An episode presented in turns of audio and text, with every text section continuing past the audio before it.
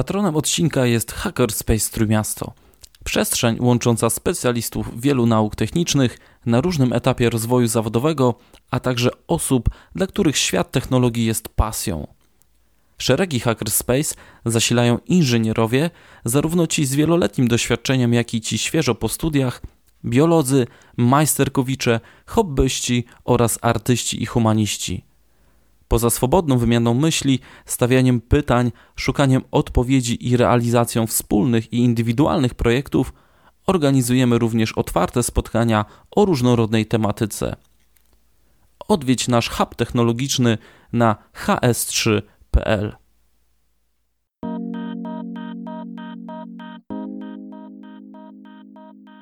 Cześć, witam Cię bardzo serdecznie w pierwszym odcinku serii Ja Programista. Zanim przejdziemy do właściwej części, czyli rozmowy z moim gościem, chciałbym przedstawić, czym będzie właśnie ta seria oraz jaka stoi za tym wszystkim idea.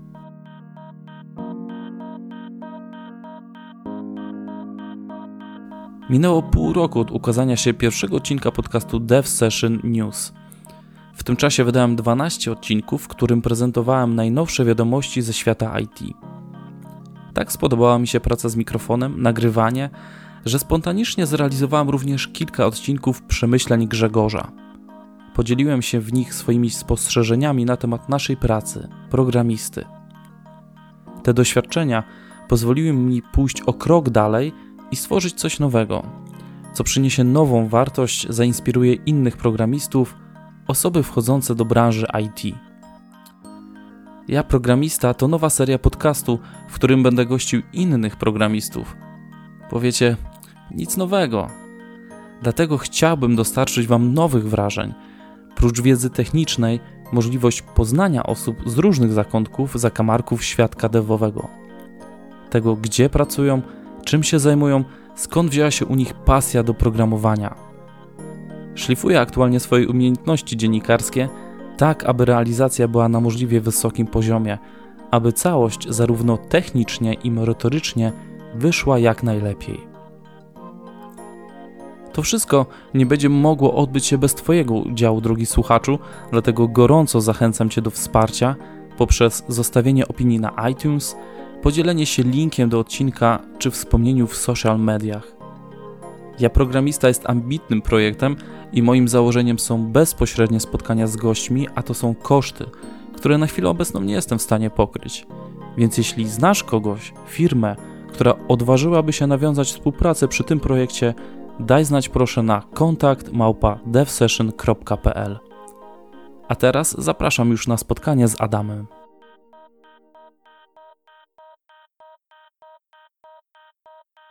Więc witam Was bardzo serdecznie w pierwszym odcinku e, podcastu Ja Programista.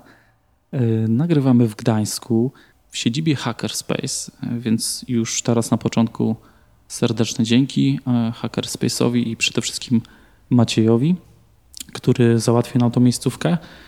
A moim gościem, pierwszym gościem w tym podcaście jest Adam Sitnik, inżynier oprogramowania, pracujący, można powiedzieć, Motherland dla niektórych, czyli dla Microsoftu, bloger, prelegent, ale przede wszystkim osoba mocno związana, mogę to tak powiedzieć, z ruchem wolnego oprogramowania czy to brzmi zbyt... Jak najbardziej. Niektóre terminy rzadko się spolszcza, ale wydaje mi się, że ten brzmi całkiem dobrze. Aczkolwiek e, egzotycznie, jak egzotycznie, się go ale... Okej, okay, to z open source'em myślę, że, że tak. więcej to mówi niektórym. E, I bardzo mocno też e, interesująca się, czy nawet no, pracująca z dotnetem i przede wszystkim e, względami wydajnościowymi. Prywatnie ex-MMA, czyli e, byłeś zawodnikiem MMA, czy tylko e, tak trenowałeś e, dla, dla siebie? Myślę, że trochę jedno i drugie. Sporty walki trenowałem ponad pół życia. Trenowałem judo 6 lat, tajski boks 3 lata, MMA, brazylijskie jiu-jitsu i zapasy 6. A, także czasem się śmieję, że w pierwszej połowie życia byłem zawodnikiem sportu walki, a teraz jestem programistą. Okay. Czuję się bezpieczniej. Jakby ktoś tu wpadł, to, to, od razu wiem, że będziesz nas tutaj bronił. Tak. Okej, okay. dzisiaj rozmawiamy o open source. poruszymy dosyć sporo kwestii. Między, między nimi też będziemy wplatać trochę takich prywatnych rzeczy związanych z, z Adamem, z jego przebiegiem kariery. Myślę, że dowiemy się, jak to się stało, że Adam dziś jest programistą i to, no, nie boję się użyć tego słowa, wybitnym programistą. Dziękuję bardzo. Ale posłodziłem. nie, słuchaj, Adam. Jestem też skromną osobą, więc y, czasem nie wiem, co odpowiedzieć, jak ktoś mi mówi coś miłego, także dziękuję no, bardzo. Rozumiem. Słuchaj, i, ja bez owijania. Ja pamiętam na grupie dotnetowej kilka lat temu w Zieleniaku w Gdańsku. Przyszedłem na spotkanie. Y, ja w ogóle wtedy nie zakładałem, że dzisiaj się w ogóle spotkamy w tym miejscu. Dawałeś wtedy prelekcję o, exception w dotnecie. Takie nie, nieprzechwytywalne wyjątki. Tak ja pierdzielę, kurczę, no jak ja to zobaczyłem, głowa mała, co myślę, co ten gość w ogóle tam wyczynia na tej scenie, taka wiedza. Y, to mi mega zaimponowało i kolejne nasze spotkanie właśnie y, też na grupie dotnetowej o open source i to już była miazga. Dla mnie to była miazga i ja wtedy y, pamiętam pierwszy raz wziąłem udział w czymś takim, co się nazywa Hacktoberfest, który będzie również w tym roku. Powiemy o tym myślę na koniec i kurczę, no nie będę ci tu ściemniał, że to dzięki tobie y, zrobiłem jakieś pierwsze kontrybucje. Super. Tak więc... Bardzo miło mi to słyszeć. Ja jestem bardzo zadowolony. Właśnie jedną z niesamowitych rzeczy, kiedy zaczynasz robić coś publicznie, jest to, jak inspirujesz innych do tego. To jest chyba e, najbardziej niepowtarzalne uczucie, którego nie można skądinąd wziąć ani otworzyć. Dokładnie. Y, Adam, zanim przejdziemy do tematu, powiedz mi, skąd się wzięła twoja pasja do komputerów? Pamiętasz, jak zaczynałeś? E, wiesz co, akurat ja w naszej branży wydaje mi się jestem takim trochę odłamkiem, bo e, nie programowałem od dziecka i tak naprawdę zacząłem uczyć się programowania dopiero na studiach, a studia informatykę na Politechnice wybrałem metodą wykluczeń. Czyli wziąłem wszystkie uczelnie z Trójmiasta, zobaczyłem, że jest Akademia Muzyczna, no na artystę się nadaje, sztuk pięknych też nie, medyczna też nie za bardzo chciałbym kogoś kroić. E, został uniwersytet, humanistą nie jestem, to wiedziałem już od pierwszych lekcji języka polskiego, więc została Politechnika, Akademia um, Marynarki, czy Akademia Morska. I metodą wykluczeń doszedłem do informatyki i nawigacji ale mój tata powiedział mi, że życie marynarza jest. E, no, wymaga wielu poświęceń, nie byłoby mnie w domu, więc stwierdziłem, dobra, odpuszczam sobie tą nawigację, idę na informatykę.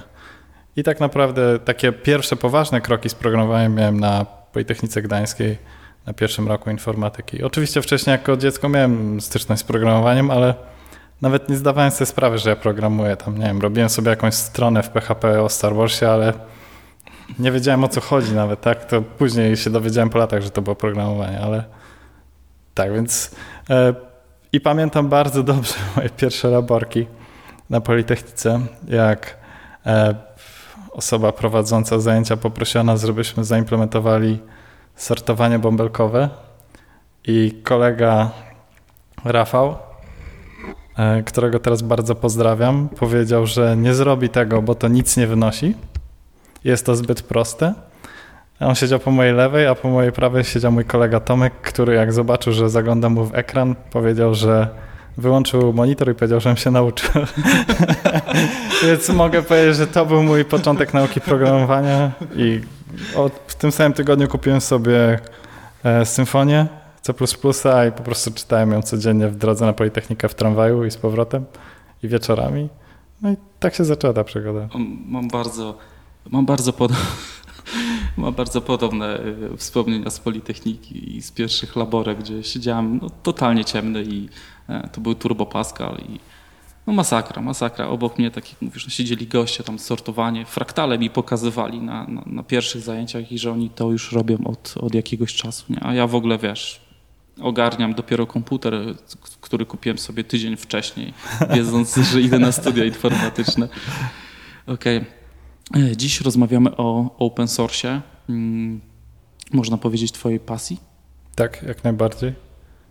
Um, Tylko dla mnie teraz open source jest tak naturalny, że po prostu nie wyobrażam sobie, żeby mógł inaczej programować. Także nawet teraz będąc pracownikiem Microsoftu już prawie rok, nie dotknąłem żadnego kodu, który był zamknięty. Mhm. Po prostu wszystko robię w open source. Także dla mnie już programowanie równa się open source. E, także może ja już przyszedłem trochę w ekstremum, ale tak już po prostu jest. Mhm. E, powiedz, e, co to tak naprawdę jest open source? E, więc są różne definicje open source, ale co najważniejsze, ono oznacza po prostu otwarte. I ta, ta minimalna definicja, że to oprogramowanie jest otwarte do odczytu, ja bym tak powiedział. Czyli ktoś udostępnia nam kod i możemy go przeczytać. On jest otwarty. I teraz przychodzą tutaj różne, pojawiają się licencje e, i licencja określa, co ty możesz zrobić z tym kodem. E, bo jest całkiem sporo płatnych produktów, które są otwarte i są otwarte po to, żeby zyskać i zdobyć zaufanie e, swoich użytkowników, a nie po to, aby być darmowymi produktami. Dlatego dla mnie open source nie kojarzy się koniecznie z darmowym oprogramowaniem, tylko z otwartym oprogramowaniem. I też nie wszystkie repozytoria są otwarte na kontrybucje z zewnątrz. Wewnątrz jest, więc dla mnie taka minimalna definicja to otwarte oprogramowanie, otwarte do czytu. Możemy po prostu przeczytać, zobaczyć. Do większości możemy kontrybuować i ono nie zawsze jest darmowe. Często nie jest. Rozumiem.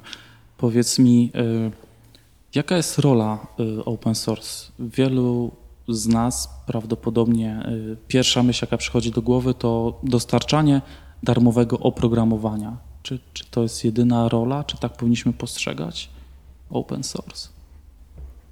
Hmm. Wydaje mi się, że wielu ludzi ma takie podejście na, na początku.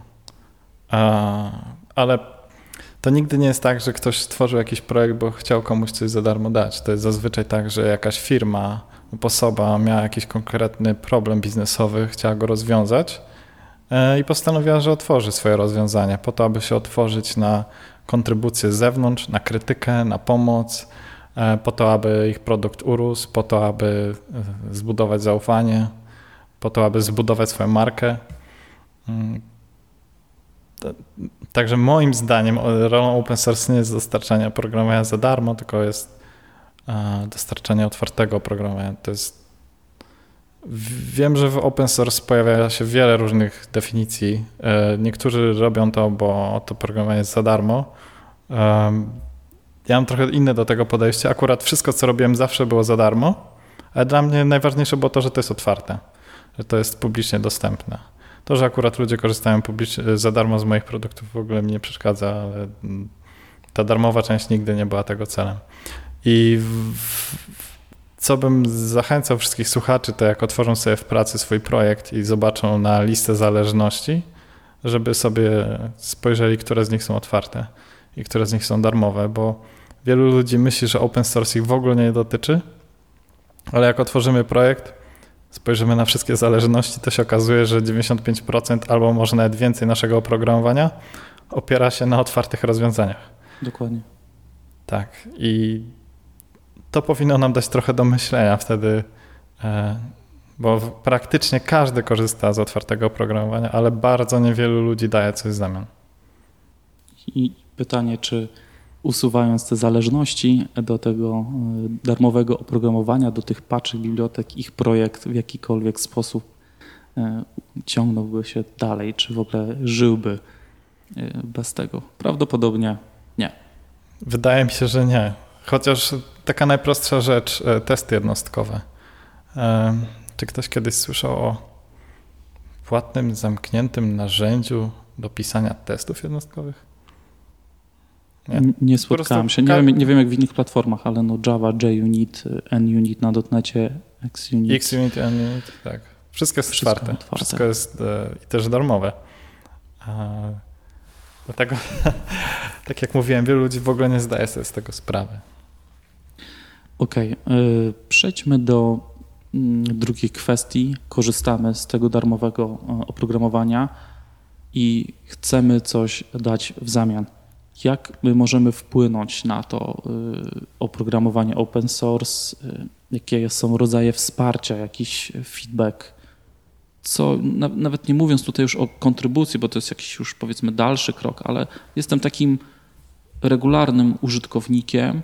E, niekoniecznie e, umiem super programować, choć będziemy próbowali też ten mit o trochę obalić i chciałbym jednak coś wnieść. E, więc najprostsza rzecz, jaką można zrobić, to gdy napotkamy jakiś błąd w open source, to po prostu go zgłosić i dobrze opisać. Z mojego punktu widzenia, jako osoby, która zarządza projektem, ja nie jestem w stanie pomóc osobom, które nie zgłaszają błędów albo które robią to na Twitterze i nie mówiąc mi o tym.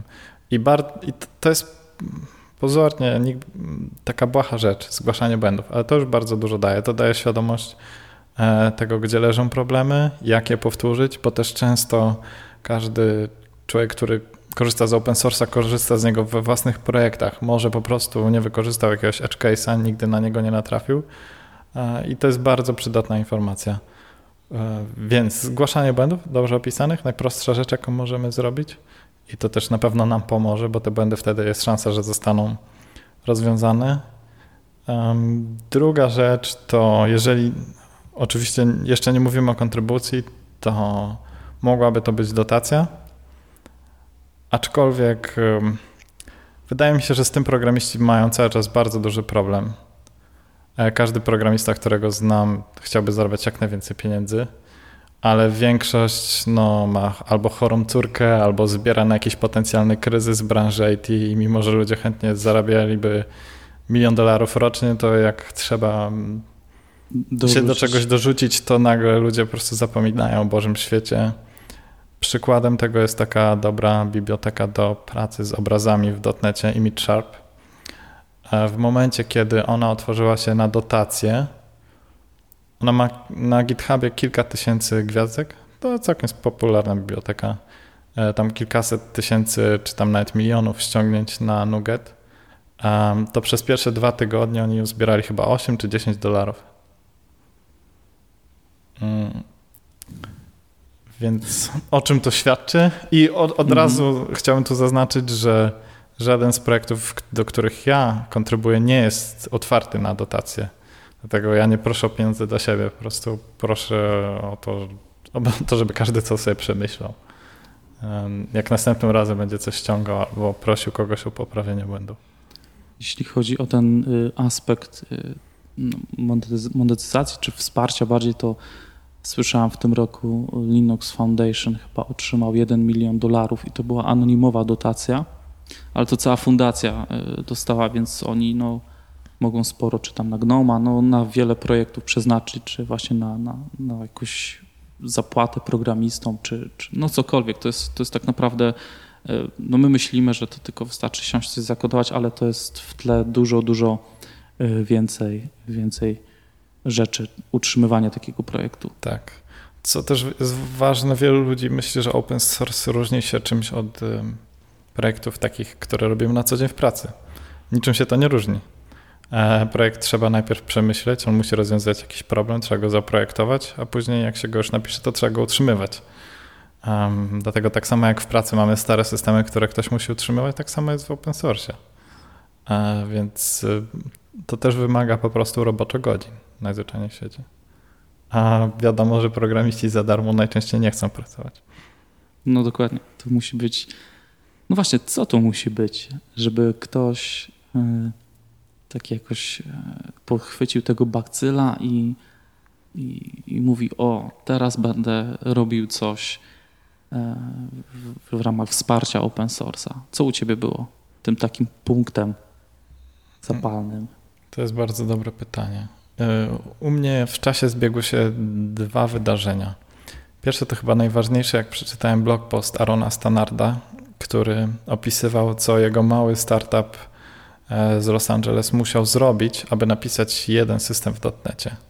I Aaron musiał sportować Akkę z Java do .NETA, bo wtedy Microsoft Orleans nie był jeszcze otwarty, ani w ogóle nikt o nim nie wiedział, że on istnieje poza Microsoftem.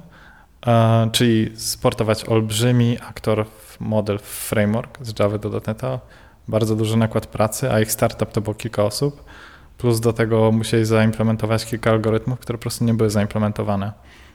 I Aaron w tym blogpoście zapytał, dlaczego inni deweloperzy dotnetowi się w ogóle nie udzielają? Czy wszyscy robią jakieś proste aplikacje krudowe? E, no i mi to tak trochę pojechało po ambicji i tak sobie pomyślałem, no kurczę, akurat wtedy pracowałem w firmie, która tworzyła rozwiązania dla branży energetycznej i pisaliśmy całkiem skomplikowany software w dotnecie na przykład rozwiązywaliśmy problem imbalansu, e, czy przewidywaliśmy zużycie energii, e, czy optymalizowaliśmy mm, produkcję energii w elektrowniach wodnych na całym świecie. E, to wszystko w 100% w dotnecie. I tak sobie pomyślałem, no nie, ja na pewno nie robię żadnych krudów. I też on w tym blogpoście wspomina o tym, że wszyscy korzystamy z tego open source. Ja sobie otworzyłem mój E, plik z pakietami, z których korzystaliśmy. I tak doszedłem właśnie do wniosku, że praktycznie korzystałem z samego open source'a, a nigdy nie zrobiłem nic dla tego open source'a. I uświadomiłem sobie wtedy, że jestem po prostu samolubnym człowiekiem. E, bo kontrybucja nie musi być e, żadnym dużym nakładem pracy. I chyba dwa czy trzy dni potem jeden z moich guru, Joe Duffy, wrzucił na Twitterze informację, że zaczął nowy projekt. Projekt nazywał się Slice. Dzisiaj to jest SPAN w dotnecie. Wszyscy, którzy są zakręceni na temat wydajności dotneta na pewno wiedzą, czym jest SPAN, ale on wrzucił ten kod e, na licencję MIT e, i jedną z moich takich ulubionych metod na uczenie się to jest czytanie cudzego kodu. A ja od początku, już od pierwszej pracy praktycznie zawsze lubiłem sobie poczytać cudzy kod. Przede wszystkim mamy tutaj do czynienia nie z teorią, tylko z praktyką. E, możemy podejrzeć dużo ciekawych rzeczy, mm, możemy znaleźć też jakieś błędy. I ja w kodzie Joe znalazłem trzy możliwości poprawienia wydajności.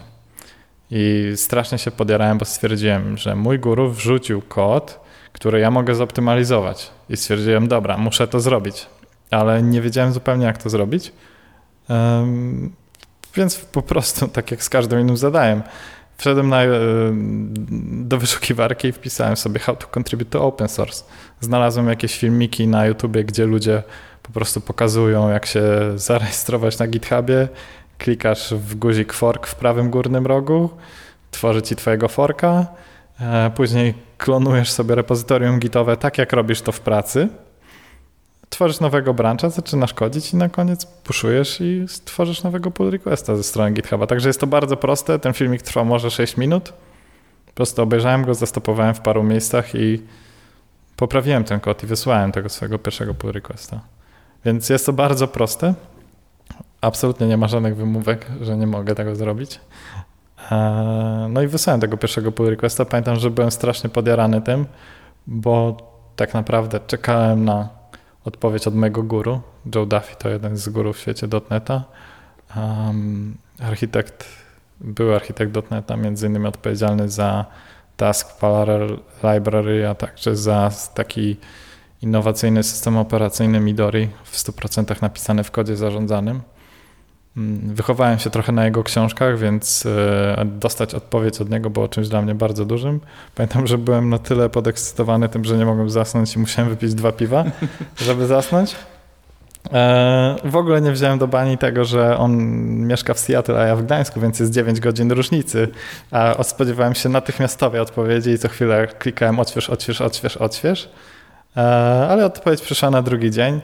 E, kod z moimi poprawkami został zaakceptowany i właśnie wtedy uświadomiłem sobie, że open source to tak naprawdę praca, możliwość pracy z najlepszymi. E, zrobiłem do tego repozytorium kilka pull requestów i każdy to było jakbym dostał prywatną lekcję od mojego guru.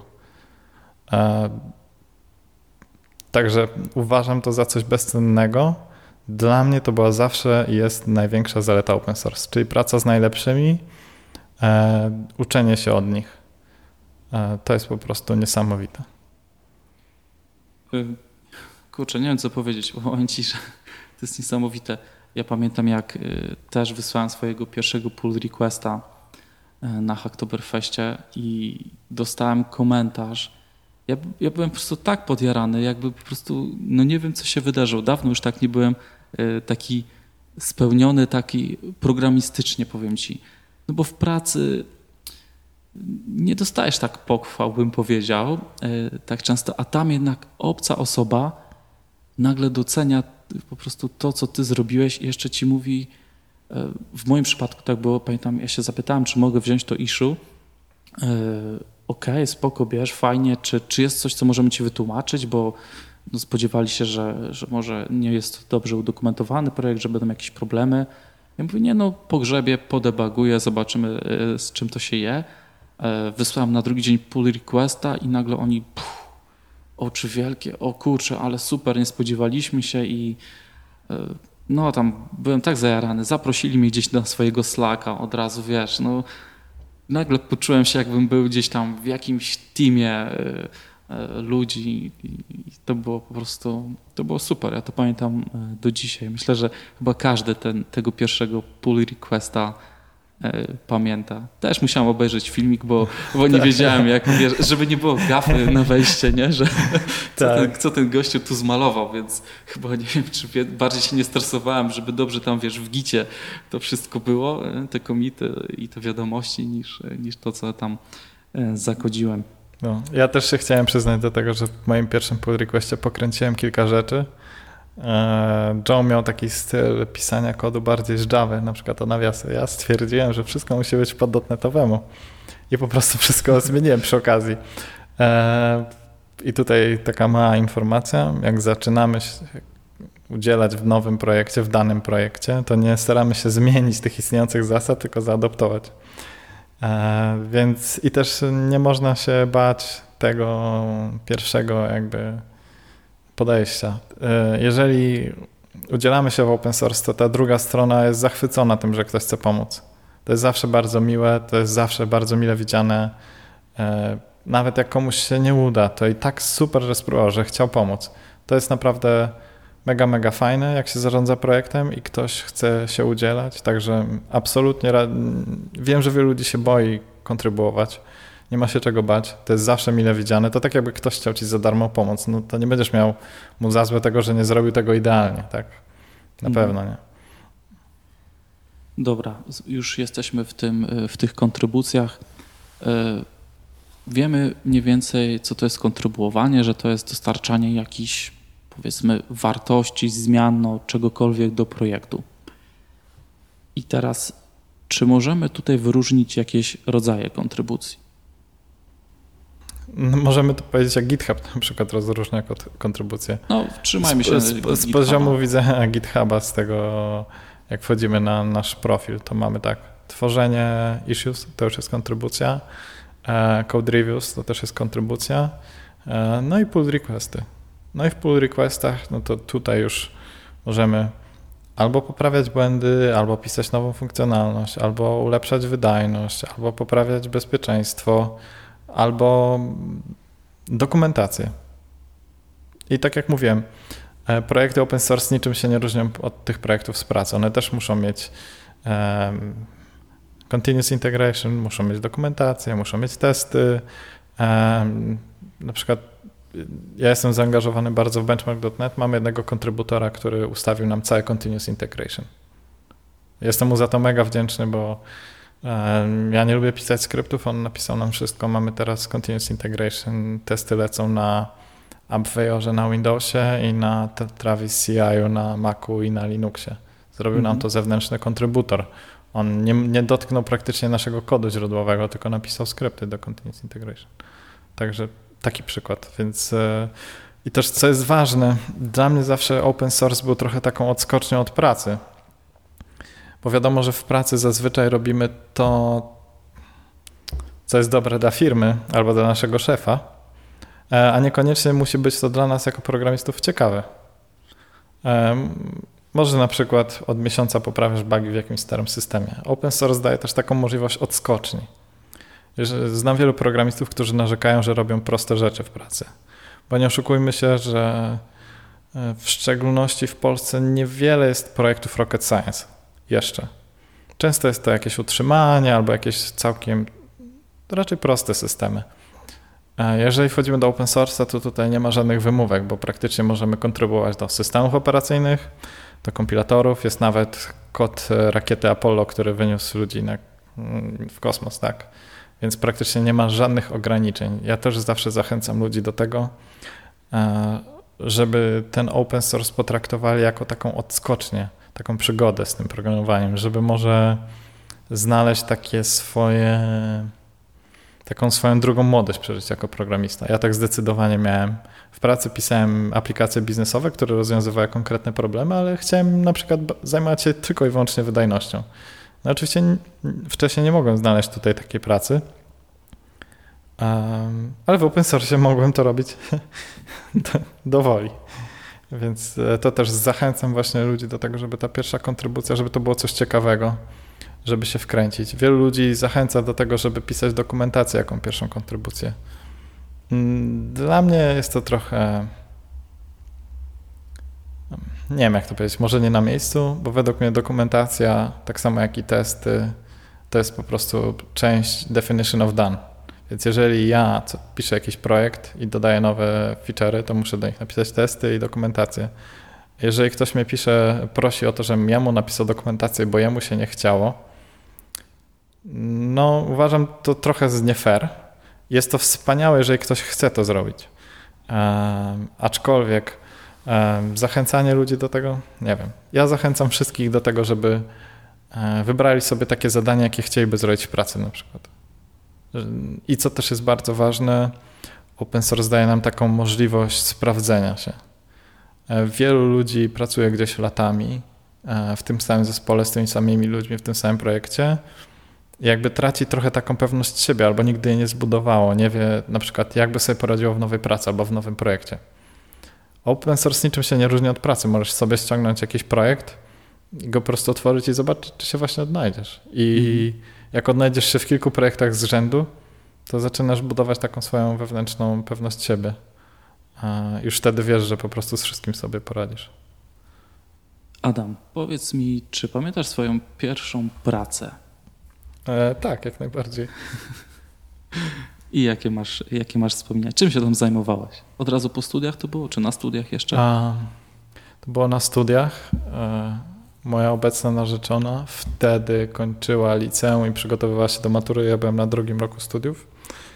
Eee, I powiedziała mi, że chce się uczyć do tej matury, a dobrze było, gdybym ja sobie znalazł jakieś zajęcie eee, poza studiami i treningami, eee, bo ona po prostu musi się skupić na tej nauce. Więc ja stwierdziłem, że zrobię sobie praktyki nie w wakacje, ale już w trakcie roku akademickiego, żeby mieć wakacje dla siebie. I mój kolega Maciej Skrzos polecił mi firmę, w której wówczas pracował, w Bilanderze z Gdyni. E, to taki mały polski startup. Miałem bardzo dużo szczęścia, bo pracowało tam bardzo dużo uzdolnionych programistów, od których się mogłem bardzo, bardzo dużo nauczyć. Także pierwsza praca to polski startup z bardzo zdolnymi programistami, tworzenie produktu od zera. A powiedz mi, kiedy y, zacząłeś się interesować tym performance, tym internalsami, tym, wiesz, co siedzi w dotnecie yy, tam nisko. Czy to właśnie już wtedy było, czy, czy troszkę później? Co było też takim jakby... Mhm. Więc tak jak mówiłem, ja swoje takie pierwsze poważne zetknięcie z programowaniem miałem na studiach i nigdy nie wiedziałem, kiedy przestać się uczyć. W sensie, zawsze na samym początku nie wiedziałem, jak to wszystko działa. Widziałem jakiś kod, nie wiedziałem, co to jest kompilator, więc dowiedziałem się, co to jest kompilator, dowiedziałem się później, co to jest kod pośredni, dowiedziałem się, co to jest assembly language, później dowiedziałem się, jak działa pod spodem hardware i zawsze, jak uczyłem się nowej rzeczy i mam to do dzisiaj, zawsze chcę poznać to jakby tak na wskroś, żebym ja wiedział, co się tam dzieje. I w pracy, jak zaczynałem pisać te aplikacje dotnetowe na początku,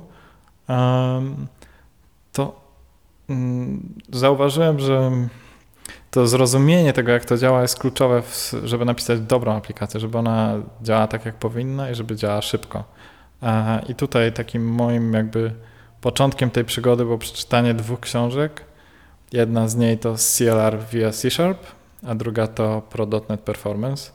I to były takie książki, które mnie po prostu zaraziły. Załapałem takiego baksyla, stwierdziłem, że wow, ale to wszystko jest w środku ciekawe, muszę się dowiedzieć, muszę zobaczyć, jak to działa. Więc myślę, że te dwie książki które wszystkim bardzo polecam. Okej. Okay. o książkach jeszcze porozmawiamy, bo w sumie to pewnie wiesz, że wydarzyło się niedawno coś, coś fajnego w polskiej społeczności. Jeden, chyba z twoich znasz Konrada, nie? Tak, oczywiście. No, Wiem. Wypuścił, tak. także czekam z niecierpliwością. No, szykuje się niezła Biblia. Takie można by to stwierdzić. Zobaczymy, co tam Konrad napisał. Tak, Dobra. Jestem pewien, że jest to dobra książka, także myślę, że wszyscy mogą kupować w ciemną książkę Konrada. Okej. Okay. Wróćmy do, do open source'a, do naszego tematu przewodniego.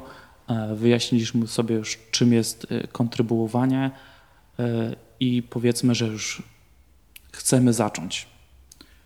I od czego zacząć? Jak znaleźć ten pierwszy projekt?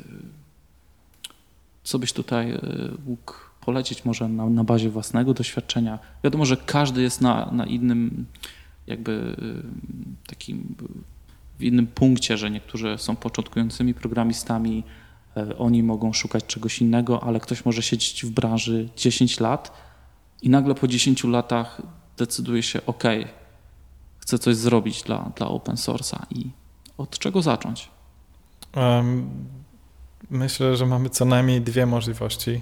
Pierwsza, najprostsza. To jak natrafimy w pracy na jakiś błąd, dostaniemy jakiś wyjątek, zamiast po prostu przeklinać i się złościć, sprawdzamy, czy to jest open source. Jeżeli tak, to forkujemy dane repozytorium, odpalamy projekt i szukamy tego problemu, staramy się go rozwiązać. Czyli po prostu czekamy, aż coś nas nadepnie nam na odcisk, rozwiązujemy ten problem. Tak jakby to był nasz kod, mimo że on jest gdzieś tam hen daleko w tym open source. Po prostu i co też muszę powiedzieć, takie podejście rozwiązywania problemów e, pozwala też na pewno bardzo szybko zbudować sobie jakby markę, renomę. I jest też bardzo pozytywnie oceniane przez pracodawców. Druga możliwość e, to możemy poszukać jakiegoś ciekawego projektu, może jedno z naszych ulubionych narzędzi, w którym może na przykład też nam czegoś brakuje, albo chcielibyśmy, żeby było jeszcze lepsze. I na GitHubie jest taka konwencja, że issues mają labels. Przepraszam, że tak mieszkam polski z angielskim, ale ciężko mi jakoś przetłumaczyć ja wszystkie słowa. Czasem ciężko rzeczywiście. I tam jest taki label, który jest praktycznie koloru złotego. Nazywa się Up for Grabs. I w każdym repozytorium możemy sobie zadania pofiltrować według Up for Grabs.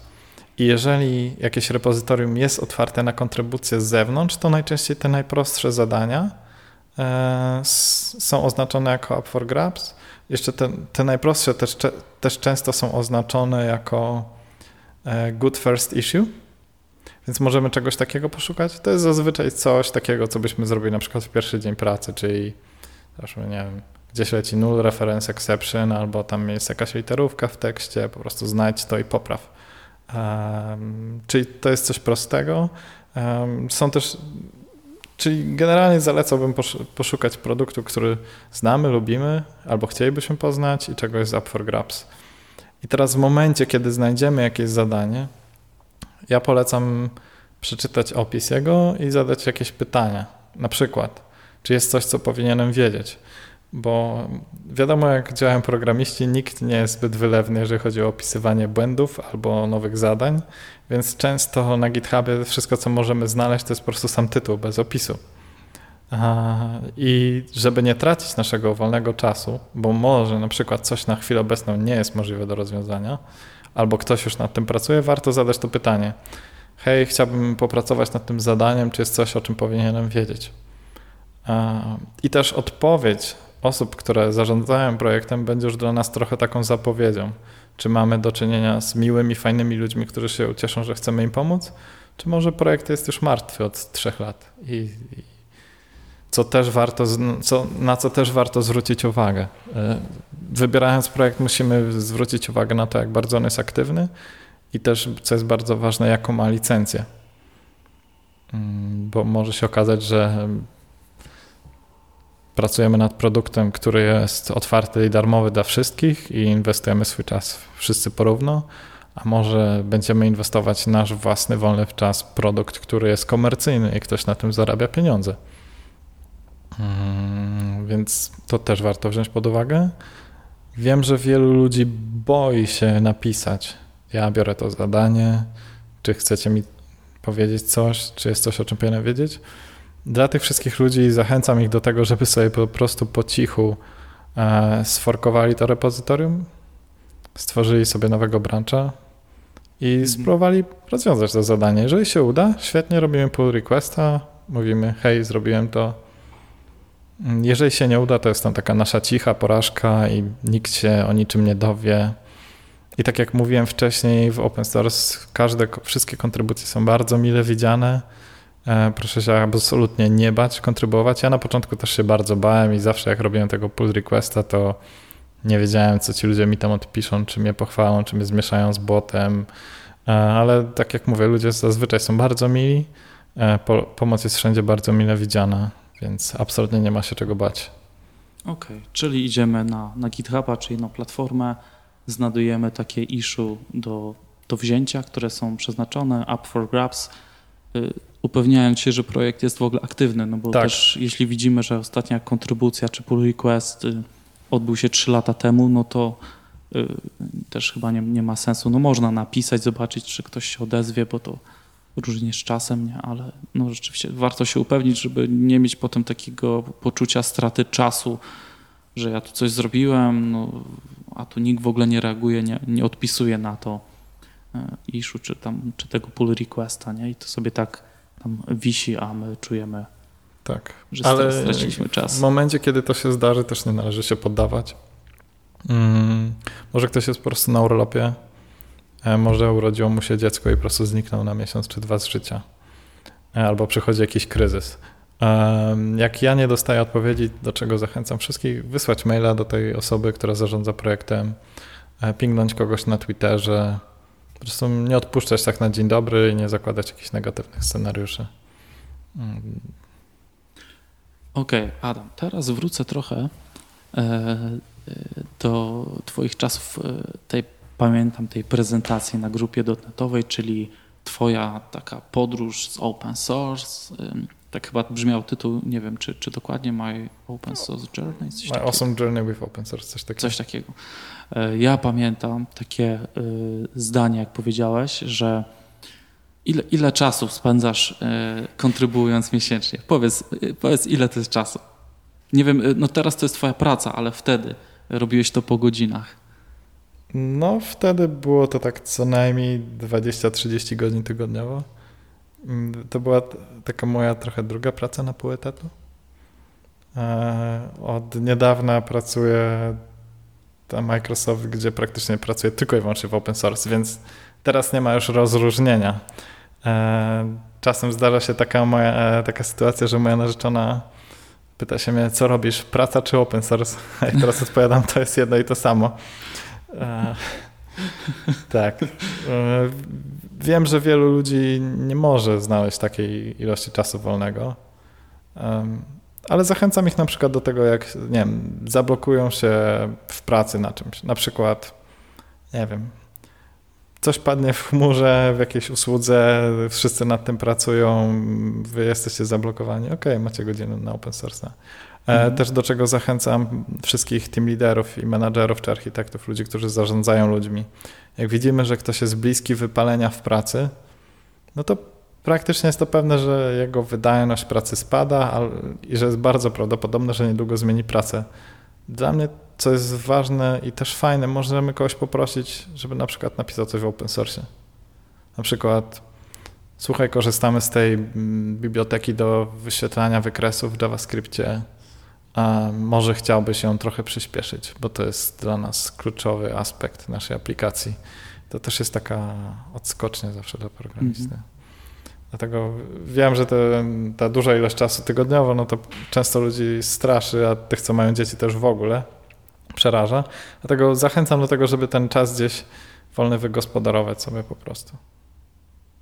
Y, ja powiem, że mam dwójkę dzieci i w zeszłym roku zrobiłem kilka pull requestów w ramach Hacktoberfest, z czego jestem dumny. Mam koszulkę, dostałem naklejki. Nie, to, to było super. Y, da się i nie poświęciłem wcale na to dużo czasu. I to było w ogóle takie, dla mnie to było dziwne, że kurczę, ja wziąłem ten projekt bardzo szybko się w nim odnalazłem. W ogóle tam była platforma Mono. To był mój pierwszy w ogóle styk z Mono w życiu, e, ale rozumiałem ideę problemu, który muszę rozwiązać i to, że tam było Mono pod spodem, to ja tam w ogóle do niego za bardzo. Trochę, trochę dowiedziałem się, doczytałem sobie i, i kurczę, dałem radę i to było, to było super. Tylko, że jesteśmy w innych miejscach, bo cię, twoja podróż z open, source, z open source zaprowadziła cię do, można powiedzieć, Microsoftu. Choć pamiętam, na tej prezentacji mówiłeś, że trzy lata kontrybuujesz tak. i nie dostałeś ani jednej oferty pracy z tego. Więc e, przez pierwsze trzy lata kontrybucji dostałem dwie oferty, obydwie były od botów. E, ale trzecia oferta pracy przyszła z Microsoftu. I od razu chciałbym zaznaczyć, że nie należy do jakichś osób, które jarają się dużymi firmami. Co jest niesamowite, to to, że dostałem pracę zdalną w wielkiej korporacji, gdzie w Europie pracuje może, nie wiem, kilkadziesiąt osób zdalnie do Microsoftu, cała reszta jest ściągana do Stanów. Ja osobiście nie wybieram się do Stanów, e, dlatego dla mnie była to szansa, żeby pracować z produktem, który uwielbiam, z, z platformą .NET, wyjeżdżając z Gdańska. Więc e, to było moje takie spełnienie marzeń pod tym względem. To jest, to jest super, bo właśnie jadąc tutaj na tą rozmowę, e, zastanawiałem się, czy jest ktoś jeszcze w Polsce, który e, w ten sposób pracuje dla Microsoftu, czyli zdalnie. Wiesz co? Wydaje mi się, że tak. Ogólnie nie powinienem chyba odpowiadać na to pytanie. Okej, okay, dobra. Nie, nie, wiem, nie wiem, jak Może daleko możemy pójść z tymi no Tak, bo to, bo to już jest trochę. Yy, yy. Ale okej, okay, pracujesz zdalnie i, i jest. Tak, tak. To, to, to nie jest tajemnica. E, ale właśnie o, o czym może chciałbym jeszcze powiedzieć. E, jak zatrud... Wyobra... Postawcie się w roli pracodawcy. Czyli szukacie ludzi, którzy dla Was mieli pracować. Kogo szuka pracodawca? Osób zmotywowanych, które potrafią rozwiązywać problemy e, i potrafią się komunikować z innymi ludźmi. I teraz, jak przychodzą do Was kandydaci, wysyłają CV, to ich CV jest taką obietnicą. Patrz, pracowałem tyle lat tu, a tyle lat tu. A w ogóle to wydaje mi się, że jestem ekspertem w tym, w tym i w tym. No dobrze, ale na rozmowie kwalifikacyjnej możesz ludzi przepytywać, oni mogą być bardzo dobrze przygotowani na popularne pytania. Ciężko jest sprawdzić, czy ktoś jest naprawdę dobrym programistą, a w szczególności jeżeli celujecie w jakieś wysokie stanowiska, to no, ciężko jest to po prostu udowodnić. Tak samo ciężko jest udowodnić ludziom, którzy po godzinach się jeszcze dużo dokształcają, że ich 8 lat doświadczenia jest warte więcej niż przeciętne 8 lat doświadczenia. A open source daje nam tą przewagę, że mamy po prostu udokumentowane, że jesteśmy zmotywowani, poświęcamy swój wolny czas, potrafimy rozwiązywać problemy i nasz kod jest po prostu publicznie widoczny. Więc tworzymy sobie taką jakby własną wizytówkę. I w szczególności zachęcam do tego ludzi, którzy chcieliby upolować jakąś pracę zdalną, bo jeżeli mówimy o pracy zdalnej, praca zdalna sama w sobie nie jest jakaś niesamowita. To, że pracujemy z domu, dla mnie to ma swoje wady i zalety, ale największą potencjalną zaletą pracy zdalnej jest to, że możemy ustrzelić projekty, które nie są dostępne lokalnie, bez wyjeżdżania z domu i możemy też ustrzelić e, stawki, które nie są nawet w naszym kraju dostępne. Ale starając się o pracę zdalną, mamy mm, kontrkandydatów nie tylko z naszego miasta, ale z całego świata. E, I tam skończenie dobrej uczelni, praca w dobrej firmie czy 10 lat doświadczenia mm, nie wyróżniają nas w żaden sposób na tle innych kandydatów. A to, że na przykład y, ciśniemy ostro w open source, y, może nam no, po prostu bardzo dużo dać. Ja w Microsoftie miałem taką śmieszną sytuację, że jak się zatrudniałem, to znałem e, mojego szefa, jego szefa i jego szefa. E, jak, Skąd się znaliście? Z jakiejś konferencji czy z open source'a. I jak na przykład pojawiłem się w biurze, to chodziłem po ludziach i się chciałem przedstawić, a wszyscy już mnie kojarzyli. Więc to też e, na pewno ułatwia. Czyli, czyli kontakty. E, właśnie to jest tak, tylko taka mała dygresja, bo byłem w zeszłym tygodniu na e, konferencji i co mnie trochę może przeraziło, że bardzo mało ludzi decyduje się na ten tak zwany networking. Ja rozumiem, że jest bariera językowa, ale kurczę, jeśli jedziesz na konferencję, gdzie przyjeżdżają zagraniczni prelegenci, oni tam są e, dla ciebie, żeby nie bać się podejść, porozmawiać z nimi w tym Ask the Expert Zone czy, czy po sesji nawet o błahych problemach. Oni też byli kiedyś w tym punkcie, gdzie e, ty być może teraz e, jesteś, znaczy na początku, czy, czy jesteś na etapie wypalenia, więc e, tak, to tak na boku zachęcamy, żeby te, te kontakty łapać, bo potem na przykład można się spotkać, tak jak tutaj wspomniałeś, tak tylko powiem, z Saszą Goldstein na przykład, tak. na, na kawusi. E, mogę śmiało powiedzieć, że wszyscy z moich nielicznych guru. Poznałem ich dzięki open source osobiście. Z każdym jestem teraz dobrym kumplem i z każdym wypiłem co najmniej jedno piwo. Więc y, tak, pozwala to też bardzo skrócić ten dystans, bo nie jesteśmy wtedy jakąś taką mm, jedną osobą z wielu, która na przykład jedną z 300, która przychodzi na prezentację, tylko tą jedną, która pcha do przodu, ciśnie, rozwiązuje problemy e, możemy bardzo, możemy o wiele według mnie prościej e, zyskać jakiś szacunek, po prostu zarobić sobie na niego. E, I też bardzo, absolutnie się zgadzam się z tym, co powiedziałeś o konferencjach. Sam jako prelegent e, bardzo wszystkich zachęcam do tego, żeby wynosić jak najwięcej z konferencji, rozmawiając z ludźmi, bo wiele konferencji bardzo szybko udostępnia swoje materiały online. Jeżeli nie odezwiemy się do nikogo na konferencji, to równie dobrze mogliśmy zostać w domu bo w razie czego możemy sobie zastopować, mhm. pójść po kawę, mhm.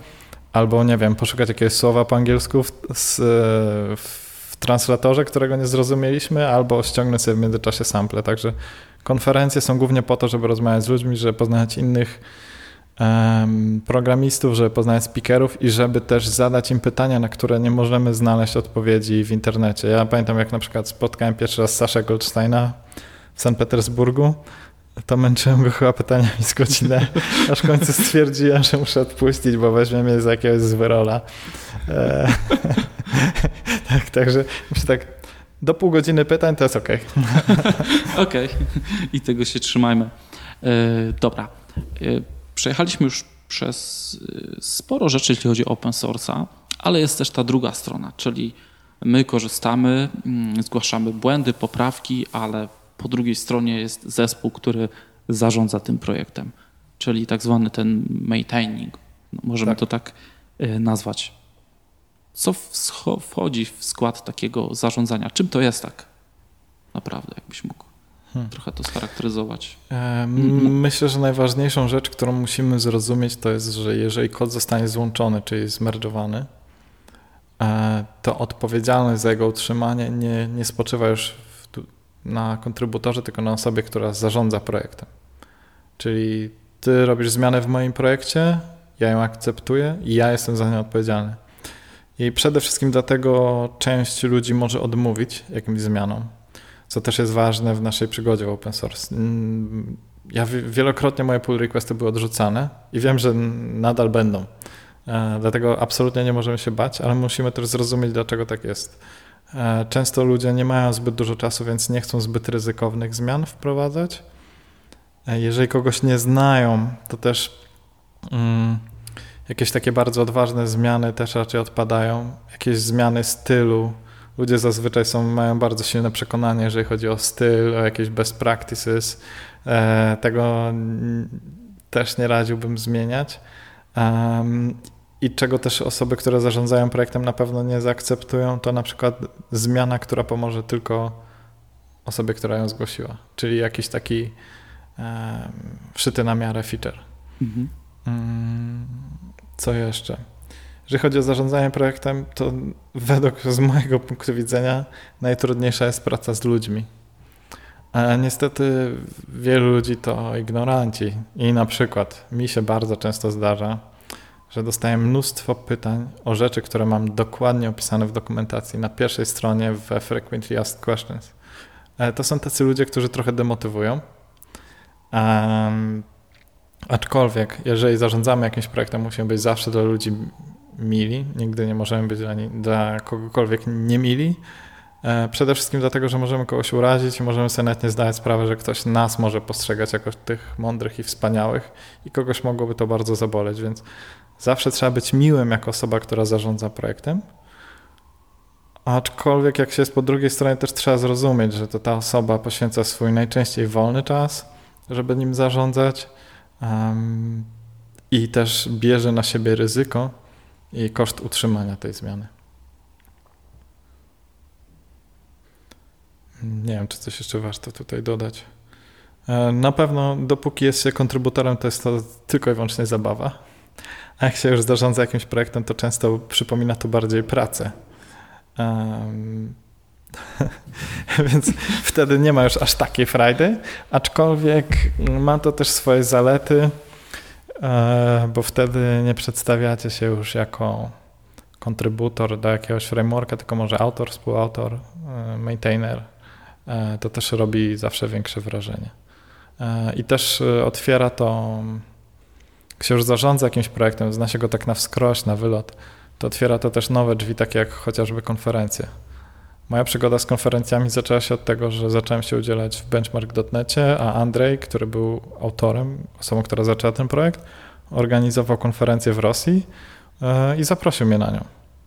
Wcześniej miałem może dwa albo trzy wystąpienia na grupie lokalnej w Gdańsku. Nigdy nie dostałem żadnej propozycji, żadnej prezentacji nigdzie poza tym. A tutaj nagle była bardzo duża konferencja w Rosji, gdzie przychodzi tysiąc programistów. E, tam poznałem nowych ludzi, kolejnych. Ten produkt stawał się coraz bardziej popularniejszy e, i te zaproszenia się już jakby tak posypały lawinowo. I tutaj chciałem zwrócić uwagę, że właśnie jak komuś zależy na tym, aby zrobić prezentację na konferencji, to trzeba się postawić w roli trochę tego organizatora. E, kogo byśmy chcieli zaprosić, żeby opowiedział o jakimś frameworku. E, użytkownika końcowego, który trochę się tym pobawił i ma jakieś spostrzeżenia, czy może osobę, która się do tego dołożyła i kontrybuowała i napisała połowę feature'ów z ostatniego release'a e, i wie po prostu co, jak, dlaczego, jest w stanie odpowiedzieć na każde pytanie z publiczności i nie można je, że tak powiem, zagiąć. Następnym y, tematem to są korzyści. Na pewno to już wspominaliśmy na początku, że dzięki open source'owi wiele projektów e, tych końcowych żyje, bo no, ktoś robi jakąś bibliotekę, czy właśnie do przetwarzania obrazów, e, przetwarzania plików CSV, XML i czegokolwiek i potem użytkownicy, programiści końcowi pisząc jakiś produkt po prostu z tego korzystają. Więc to jest na pewno korzyść tego mm, e, ruchu wolnego oprogramowania, że możemy sobie tak z tego korzystać, oczywiście nie łamiąc licencji. Ale dla kontrybutorów to są y, też korzyści oprócz tych takich, które wspomnieliśmy, czyli rozwój, potwierdzenie własnych umiejętności, e, zdobycie nowych znajomości. Wiem, że są też inne, takie powiedzmy troszkę materialne, na przykład takie benefity jak darmowe oprogramowanie tak, e, praktycznie wszystkie szanujące się firmy oferują darmowe oprogramowanie dla kontrybutorów do open source'a, e, czyli każdy kompilator, każdy profiler, jakieś ekstra debuggery.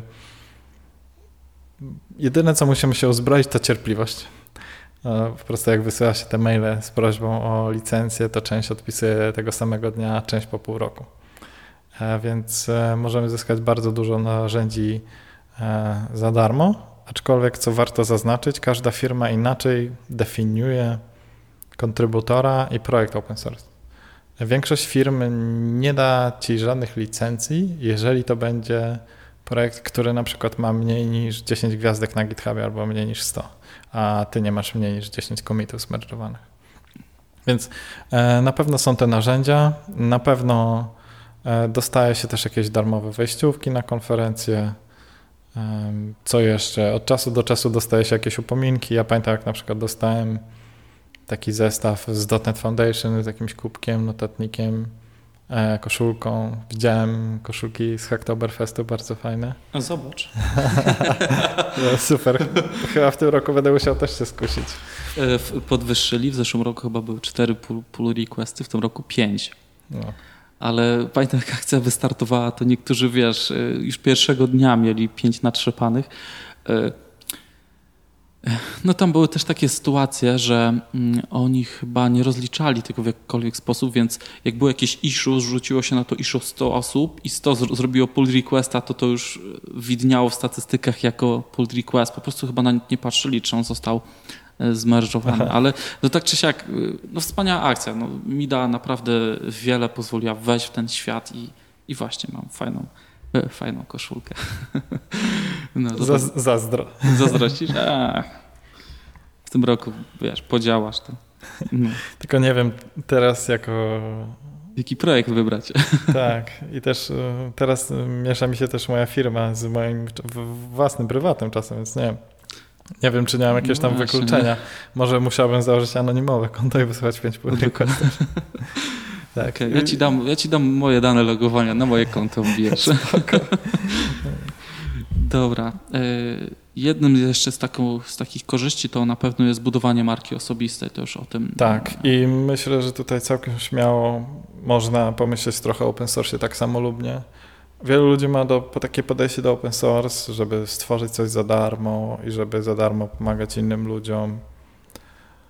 Um, ja lubię tą ideę, akurat dla mnie to nie jest moje główne motto. Moje z, główne motto w open source to po prostu rozwiązywać ciekawe problemy i mieć z tego frajdę. Aczkolwiek tu warto pomyśleć o tym, że tą markę się buduje i buduje się ją w bardzo silny sposób, mocno się wyróżniając. W szczególności jeżeli napiszesz jakiś duży feature albo um, przyspieszy się mocno jakąś wydajność, albo rozwiąże się jakiś błąd, który tysiące ludzi irytował, można zyskać bardzo duży rozgłos. Co też ja od czasu do czasu, jako osoba zarządzająca projektem, staram się robić. Też staram się pisać o tym na Twitterze. Jak ktoś coś fajnego zrobi, wrzucam linka do pull requesta i dziękuję. E, ja akurat tam nie wiem, mam może 1300 followersów na Twitterze, ale widziałem, że robi też tak David Fowler, który ma 65 tysięcy followersów na Twitterze. Mhm. Więc e, zdecydowanie można zbudować tą markę. I uważam, że zbuduje się łatwiej w ten sposób niż na przykład prowadząc bloga. Bo prowadzenie bloga jest stało się w ostatnimi laty bardzo popularne, aczkolwiek ciężko się przebić, na przykład jeżeli dany temat jest już dobrze opisany, e, jeżeli inni ludzie, którzy piszą na ten temat mają w wyszukiwarkach na pierwszych stronach wyników zawsze swoje blogi, ciężko będzie się z czymś przebić. E, a tutaj jest to inwestycja naszego wolnego czasu. Na pewno się czegoś nauczymy, rozwiążemy jakiś problem i zdecydowanie e, będziemy budować tą własną markę, ale jeżeli chodzi jeszcze o tą markę, chciałem podkreślić, że wielu ludzi na początek zaczyna z własnym projektem open source i jeżeli tworzymy własny produkt w open source, musimy zdawać sobie sprawę z tego, że musimy zadbać o marketing, E, o licencjonowanie, o continuous integration, o wszystkie te takie sprawy dookoła programowania.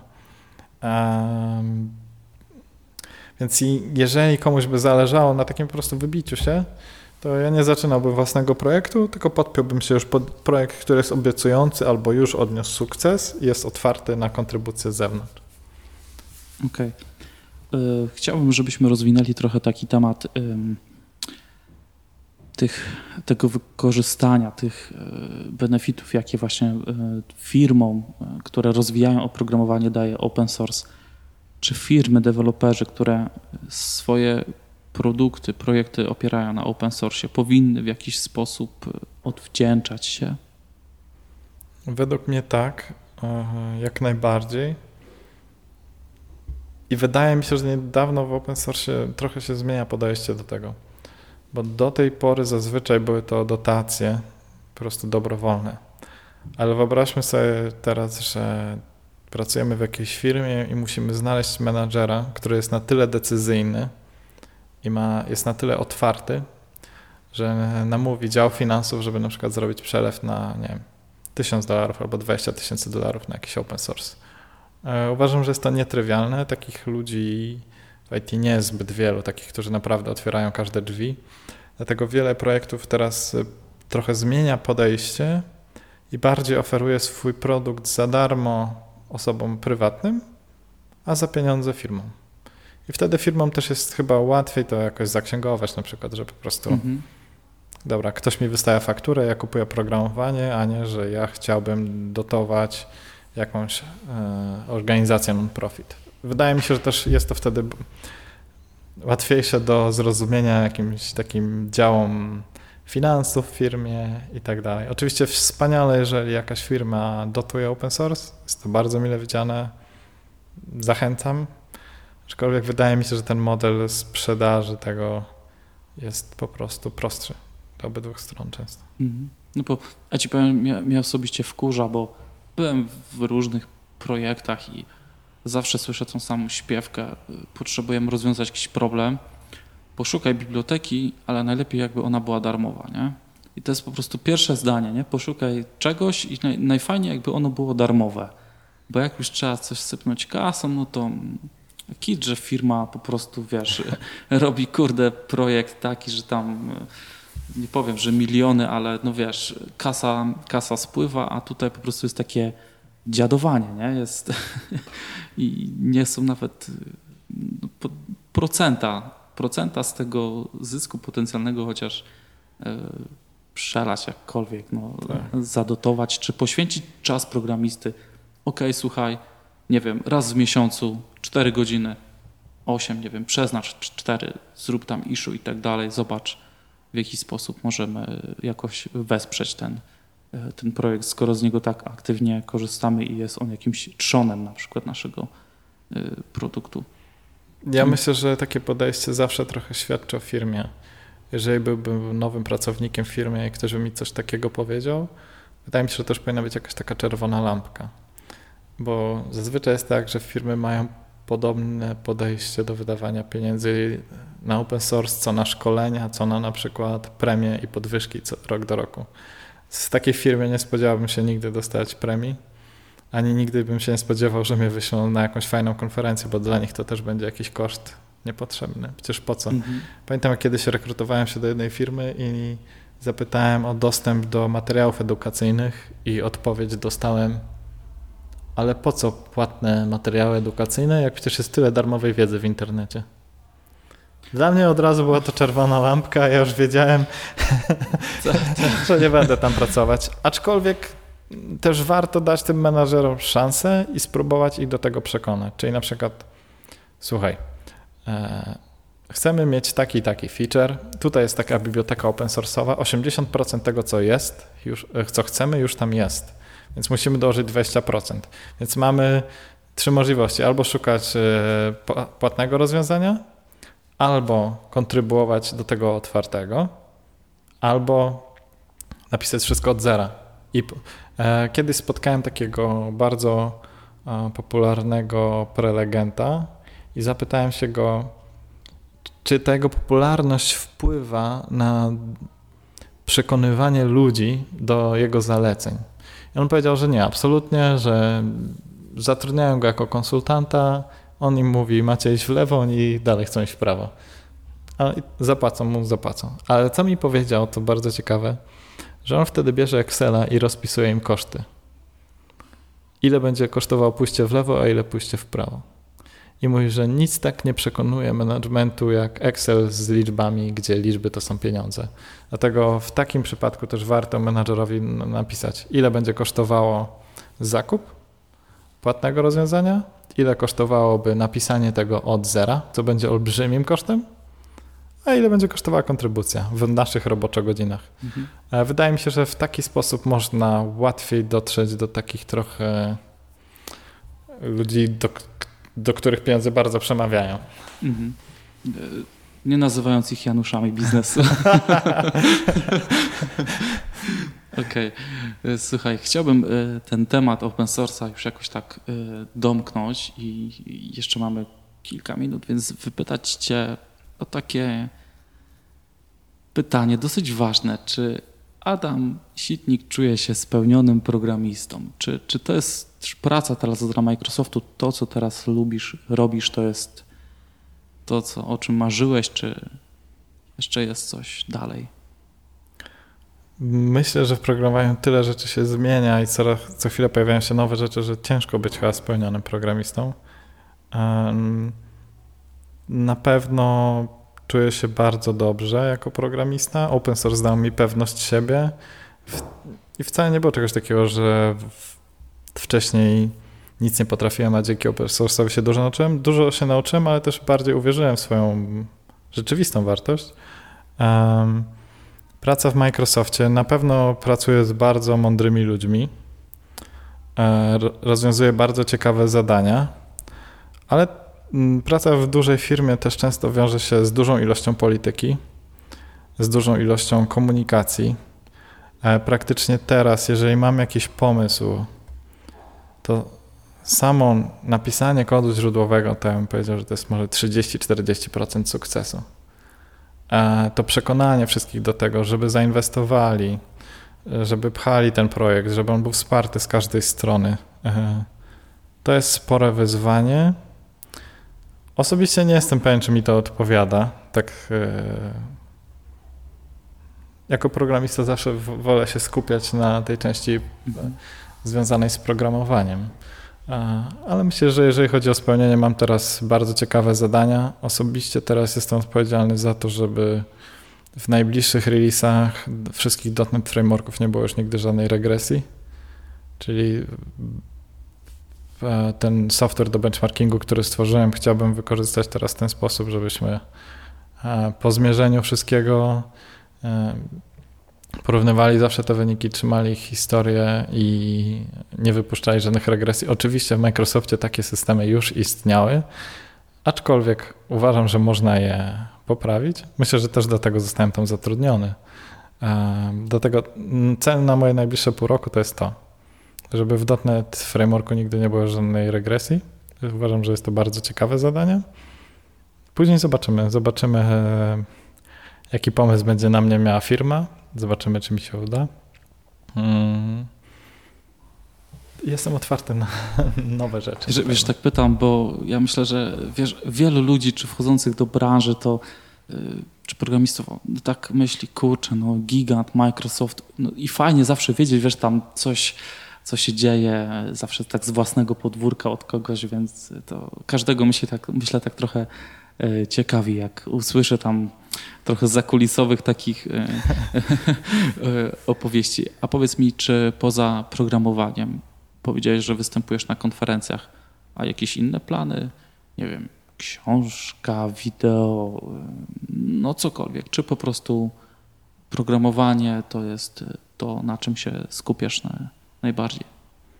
Więc jeżeli chodzi o książki, to miałem już kilka propozycji. Miałem propozycję napisania książki o nauce języka C Sharp od podstaw, aczkolwiek odrzuciłem tą ofertę, bo mm, wymagałoby to, żeby napisać taką książkę dobrze, czyli żeby nie opisywać języka, tylko ludzi naprawdę nauczyć programować i rozwiązywać problemy. Byłoby to bardzo ciekawe wyzwanie, aczkolwiek jeżeli mam inwestować mój wolny czas coś, to wolę to inwestować obecnie w open source, sprawia mi to większą frajdę. Miałem też propozycję napisania książki o wydajności .NETA, ale uważam, że na chwilę obecną nie ma to zbytnio dużego sensu, bo e, jest już świetna książka napisana przez Sasha Goldsteina Pro.NET Performance, która bardzo dobrze opisuje, jak .NET działa, jak wydajność mierzyć. E, Ponadto Konrad Kokosa napisał teraz bardzo fajną książkę pro .NET Memory Management, która wyczerpuje temat zarządzania pamięcią. E, obecnie jestem recenzentem jeszcze jednej książki, która niedługo wyjdzie na rynek. E, ona też wyczerpuje jeszcze jeden temat, więc uważam, że po prostu na rynku nie ma miejsca, a napisać tę książkę, żebym mógł powiedzieć, że napisałem, Raczej nie. Może kiedyś wrócę do tego pomysłu nauczenia języka C Sharp od podstaw, bo uważam, że jest to spore wyzwanie. E, ale obecnie mam większą zajawkę w open source. Na pewno teraz chcę trochę bardziej wrócić do konferencji, bo e, pierwsze pół roku w Microsoftie pracując zdalnie i nigdy nie pracując wcześniej tam na miejscu, to było trochę wyzwanie. No, praca zdalna jest pełna wyzwań, mogę tak powiedzieć. Myślę, że teraz się ustabilizowałem, wszystko wiem co i jak e, e, i tak dalej, e, więc teraz chcę trochę wrócić do konferencji, trochę chcę wrócić do bloga, ale też moim celem nigdy nie było jakby napisanie blog posta czy zrobienie prezentacji, tylko bardziej podzielenie się wiedzą, więc u mnie, tak jak wspominałeś, to moje prezentacje o wyjątkowych wyjątkach czy open source były po prostu podyktowane tym, że chciałem się czymś z kimś podzielić. Teraz mam znowu trochę mm, nowych pomysłów, y, więc będę robił nowe prezentacje, nowe blog posty. Myślę, że w pracy też będzie dużo tematów nowych do omówienia. Także myślę, że można się spodziewać, że niedługo znowu wrócę do pisania i na pewno już mam sporo konferencji ustawionych na najbliższe kilka miesięcy. Super, nie mogę się doczekać. Trzymam kciuki, życzę powodzenia i Adam, dziękuję Ci bardzo za tą rozmowę, bo ona była naprawdę bardzo wartościowa i myślę, że wniesie wiele dobrego i w open source i na pewno kogoś zainspiruje i zmotywuje. Dziękuję Ci bardzo. Ja dziękuję również bardzo za zaproszenie. Był to zaszczyt tutaj być i na pewno jest to duże wyróżnienie dla mnie. I też zachęcam jeszcze raz wszystkich do tego open source'a. Pamiętajcie, że ja jestem zwykłym człowiekiem, któremu się po prostu udało. Jestem zwykłym programistą. Fajnie, że wyrobiłem sobie jakąś markę, ale nie jestem od nikogo mądrzejszy ani lepszy. Po prostu open source dał mi taką możliwość, także E, wszystkich też zachęcam do tego, żeby się wkręcili, albo żeby chociaż spróbowali, bo podobno na starość nie żałuje się tego, co się zrobiło, tylko tego, czego się nie zrobiło. Więc gorąco zachęcam.